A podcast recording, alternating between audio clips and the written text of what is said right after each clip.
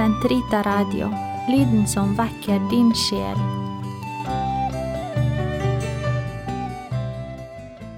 Kroppens teologi, en kommentar til pave Johannes Paul 2.s onsdagskatekeser av Eirik Ambrosius Stenhoff. Totus tuus ego sum, et omnia mea tua sunt, archipio te in mea omnia, prebe mi cor tum Maria. Episode 12 Fordypning Skammens fenomenologi ifølge Johannes Paul 2. Del 3 Kjærlighet eller skamløshet La oss til slutt i denne episoden se på resten av Karol Wojtyvos analyse av skammen i boken Kjærlighet og ansvar fra 1960. Vi har alt etablert med utgangspunkt i dette verket samt onsdagskatekesen om kroppens teologi, at skam på samme tid peker på trusselen mot seksualitetens og dermed personens verdi, og at den beskytter denne verdien. I vårt samfunn blir, som vi var inne på i forrige episode, skammen ofte forsøkt utvisket eller ignorert for at mennesker skal kunne være seg selv, som slagordet heter, og ikke skamme seg over den man er. Det er naturligvis noe riktig i dette og i denne impulsen, men vi, vi må igjen skille mellom skam, som det grunnvilkåret som paven snakker om, og skammen erfart som en slags psykologisk eller moralsk traume. Vår kultur har en dårlig forståelse av skillet mellom dem. Voityva peker i Kjærlighet og ansvar på to ulike måter som den opprinnelige skammen kan forsøkes å utviskes på. Den første er gjennom autentisk kjærlighet, altså ekteskapelig kjærlighet, der mannen og kvinnen som elsker hverandre og inngått en pakt for å stadfeste den kjærligheten overfor Gud, de opplever at skammen blir absorbert, som uh, skriver, av kjærligheten de har til hverandre. Den andre måten er gjennom eh, skamløshet, altså å forsøke å rive skammen opp med roten, så å si, ved eksempel å utfordre grensene for intimitet, seksuell identitet og kroppslighet. Men denne sistnevnte strategien er dømt til å mislykkes, og den har mange etiske og menneskelige konsekvenser. Likevel er det den strategien vi synes å ha prioritert i vårt samfunn akkurat nå, av ulike årsaker. La oss komme tilbake til det til slutt. Det er i grunnen fascinerende, som Voitiva bemerker, at skammen kan absorberes av mannens og kvinnens intime, ekteskapelige kjærlighet. Det betyr ikke, som man også tilføyer, at kjærligheten ødelegger eller oppløser skammen. Tvert imot. Tvert imot blir skamfølelsen enda mer skjerpet innenfor rammen av ekteskapelig kjærlighet.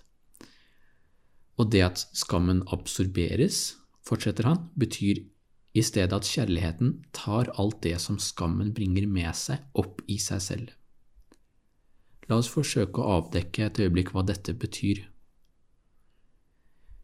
Som vi har sett flere ganger, er skammen det som både peker på det syndige begjæret, altså mot det som truer med å gjøre oss til et objekt for andre personer, og skammen beskytter oss mot denne tingliggjøringen objektiviseringen. Kjærlighet er, som Wojtyła skriver i Kjærlighet og ansvar, en relasjon mellom to personer som per definisjon umuliggjør en sånn tingliggjøring. Kjærlighet er dypest sett en bekreftelse av den andre personens ukrenkelige og uendelige verdi, slik at en utilitaristisk tenkning om personen er umulig innenfor kjærligheten. Ekteskapelig kjærlighet er en realisering av slik kjærlighet, og den ekteskapelige handlingen, i sin fylde, med åpenhet for liv, kan ikke være en, en skamfull handling, fordi den kan ikke være en handling som tingliggjør den andre personen. Så den, den, bryter ikke med den objektive kjærlighetens orden, men er nettopp i, i tråd med den. Wojtyła skriver, sitat, Behovet for skam har innenfor ekteskapet blitt absorbert gjennom den modne kjærligheten til den andre personen. Den ene personen trenger ikke å skjule sin vilje til å bruke, som er rettet mot den andre personen, for denne viljen har blitt absorbert av kjærlighetens sanne vilje. Sitat slutt. Poenget nok en gang, også i dette eh, kompakte sitatet, er at viljen til å bruke den andre personen som et objekt for eget begjær er blitt absorbert av kjærligheten, fordi kjærligheten i en forstand her har sitt sanne mål. Derfor er det ikke heller et paradoks eller en motsetning når Wojtyla også sier at skamfølelsen er skjerpet innenfor den ekteskapelige kjærligheten. Det er nettopp en indikasjon på denne kjærlighetens eksklusivitet, dens indre betydning som bare kan erfares som sådan av de to som elsker hverandre, og som den ekteskapelige handlingen er et usynlig uttrykk for innenfor ekteskapets sanne intimitet. La oss nå se på det Voityba kaller for skamløshetens problem.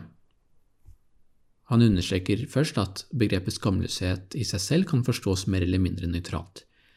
Det betyr et fravær av skam. Han peker på kulturer som forstår f.eks. For bekledning og tildekking og nakenhet forskjellig, f.eks. subtropiske samfunn der tildekking ikke nødvendigvis er normen. Likevel utviser også slike samfunn en form for skam i andre sammenhenger. Wojtyvas poeng er ikke sosiologisk, han ønsker å si noe om skammen som en iboende menneskelig tendens til å citat, skjule de seksuelle verdiene slik at de ikke kommer i veien for selve personens verdi. Citat slutt. Og der har vi egentlig alltid et nøtteskall. Den menneskelige person ønsker nettopp ikke å være en gjenstand for andres bruk, men en gjenstand for andres kjærlighet, fortsetter han. Som vi har sett i analysen hittil, er skammen en måte å beskytte personen mot denne tingliggjøringen på, som svarer til det begjæret paven snakker om i onsdagskatekesene, og samtidig åpne opp for autentisk kjærlighet. Til syvende og sist blir skammen fullbyrdet, kan vi si, eller absorbert, i sann kjærlighet.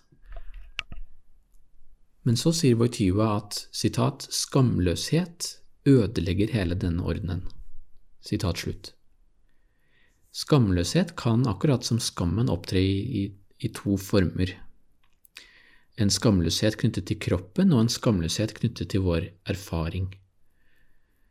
Kroppslig skamløshet betyr at de seksuelle verdiene blir satt i forgrunnen i den grad at personens verdi havner i bakgrunnen, skriver Wojtyva. Det betyr i praksis at en person gjør seg selv til et objekt for andres bruk eller begjær.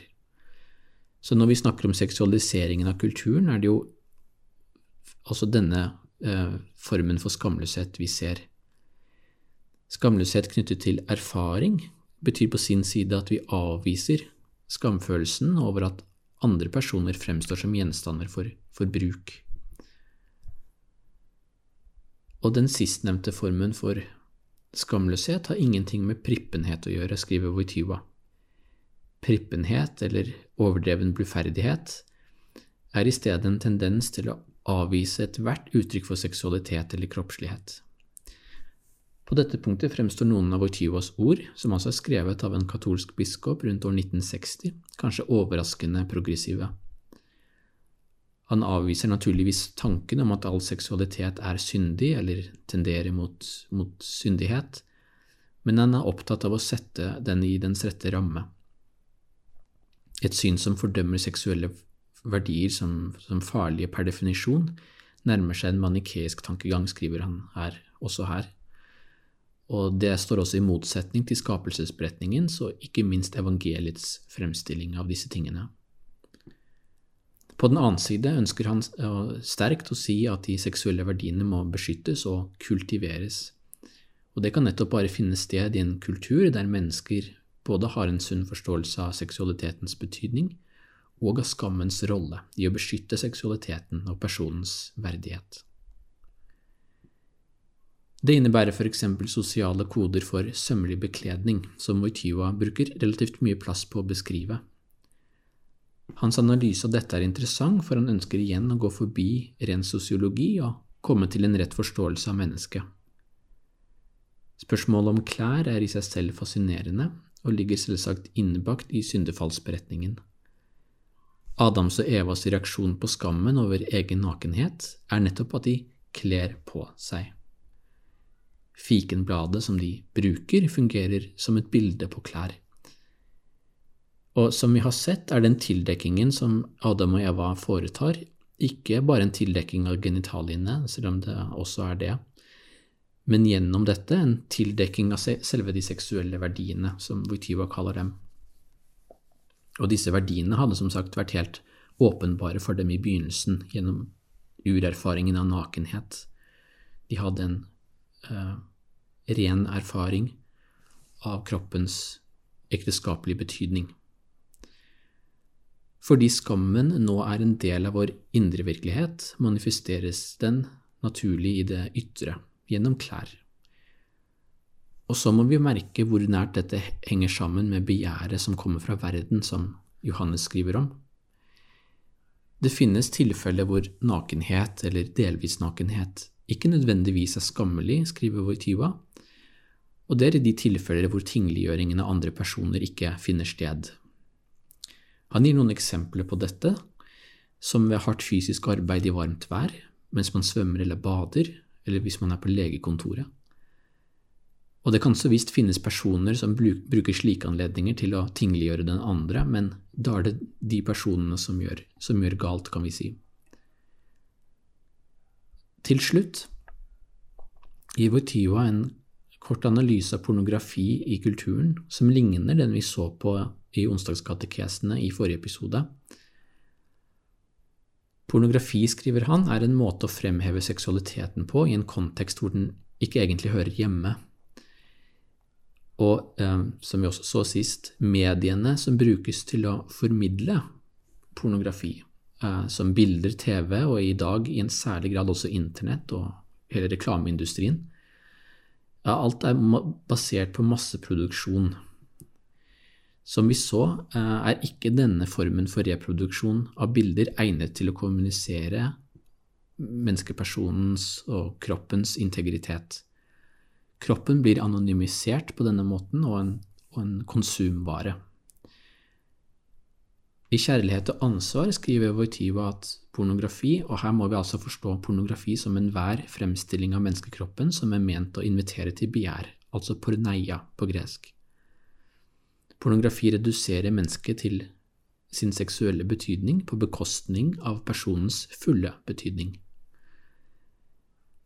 Det Wojtyła bare så antydninger til i 1960, er hvordan den pornografiske mentaliteten har kommet til å gjennomsyre samfunnet vårt.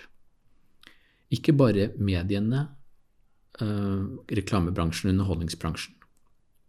Denne mentaliteten har sneket seg inn i de tusen hjem, og truer med å undergrave selve måten vi tenker om kjærlighet, familie og parforhold på.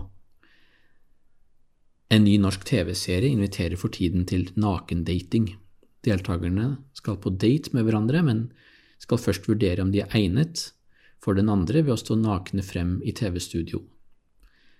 TV-serien begrunnes med en slags øh, ullen humanisme. Det er positivt at ulike kroppsfasonger vises på TV, heter det her. Samtidig er det vanskelig ikke å tenke at denne eksponerte nakenheten ikke først og fremst er ment å pirre nysgjerrige seere. At den er ment å appellere til deres primitive og ikke deres edleste motivasjoner. Og slik nakenhet har en iboende pornografisk dimensjon, og nesten i patetisk grad i dette tilfellet. Den er kanskje ment å få oss alle til å føle det bedre med oss selv, men ideen bygger på et helt falskt premiss. Skam er ikke en uting. Det er noe vi det er noe vi verken kan eller bør fjerne fra vår kultur og våre liv. Det er i grunnen bare skammen, riktig forstått, som kan vise oss den verdigheten vi har som personer. Det Karol Wojtyva også fornemmet for mange tiår siden, og som vi skal komme tilbake til flere ganger i onsdagskatekesene, er hvordan kunstig prevensjon og den preventive mentaliteten som er en konsekvens av den, går hånd i hånd med denne pornofiseringen av kroppen og utarmingen av kjærligheten. I Kjærlighet og ansvar slår Wojtyła fast at kunstig prevensjon er en måte å redusere den andre personen til en gjenstand for egen bruk eller eget begjær.